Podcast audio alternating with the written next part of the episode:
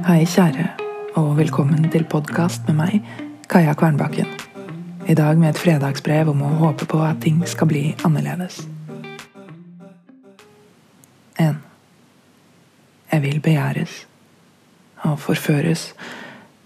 Jeg vil kjenne at jeg gjør et annet menneske grådig. Jeg vil ikke være en hund noen klapper fraværende på hodet, eller en gullfisk som er mer til pynt enn til selskap. Jeg vil at noen skal se på meg og ville ha den rå krafta som pumper gjennom meg. Ikke bare la blikket gli over meg som om jeg like gjerne kunne ha vært et møbel. To. Jeg vil begjære meg selv. Slippe løs den rå krafta som pumper gjennom kroppen. For jeg har en rå kraft pumpende gjennom kroppen. Jeg vil ikke late som om jeg er en golden retriever når jeg egentlig er en vulkan.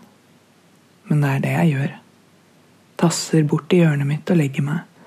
Sukker lengselsfullt etter menneskene som er mer opptatt av skjermene sine enn av meg, men jeg gjør ikke noe med det.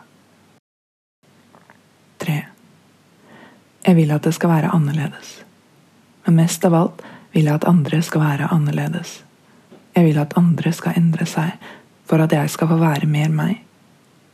Hva om jeg bare var mer meg? Hva om jeg lot golden retrievere være golden retrievere i stedet for å prøve å gjøre dem til vulkaner? Når det er jeg som er vulkanen. Vil du ha mer høytlesning? Denne uken ble endelig Motlys, den nyeste romanen min, sluppet som lydbok. Motlys handler om Ellie.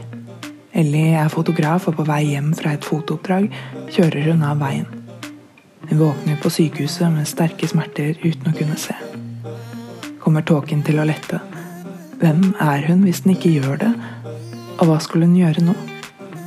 Motlys er en roman om lys og mørke, om hva det egentlig betyr å se.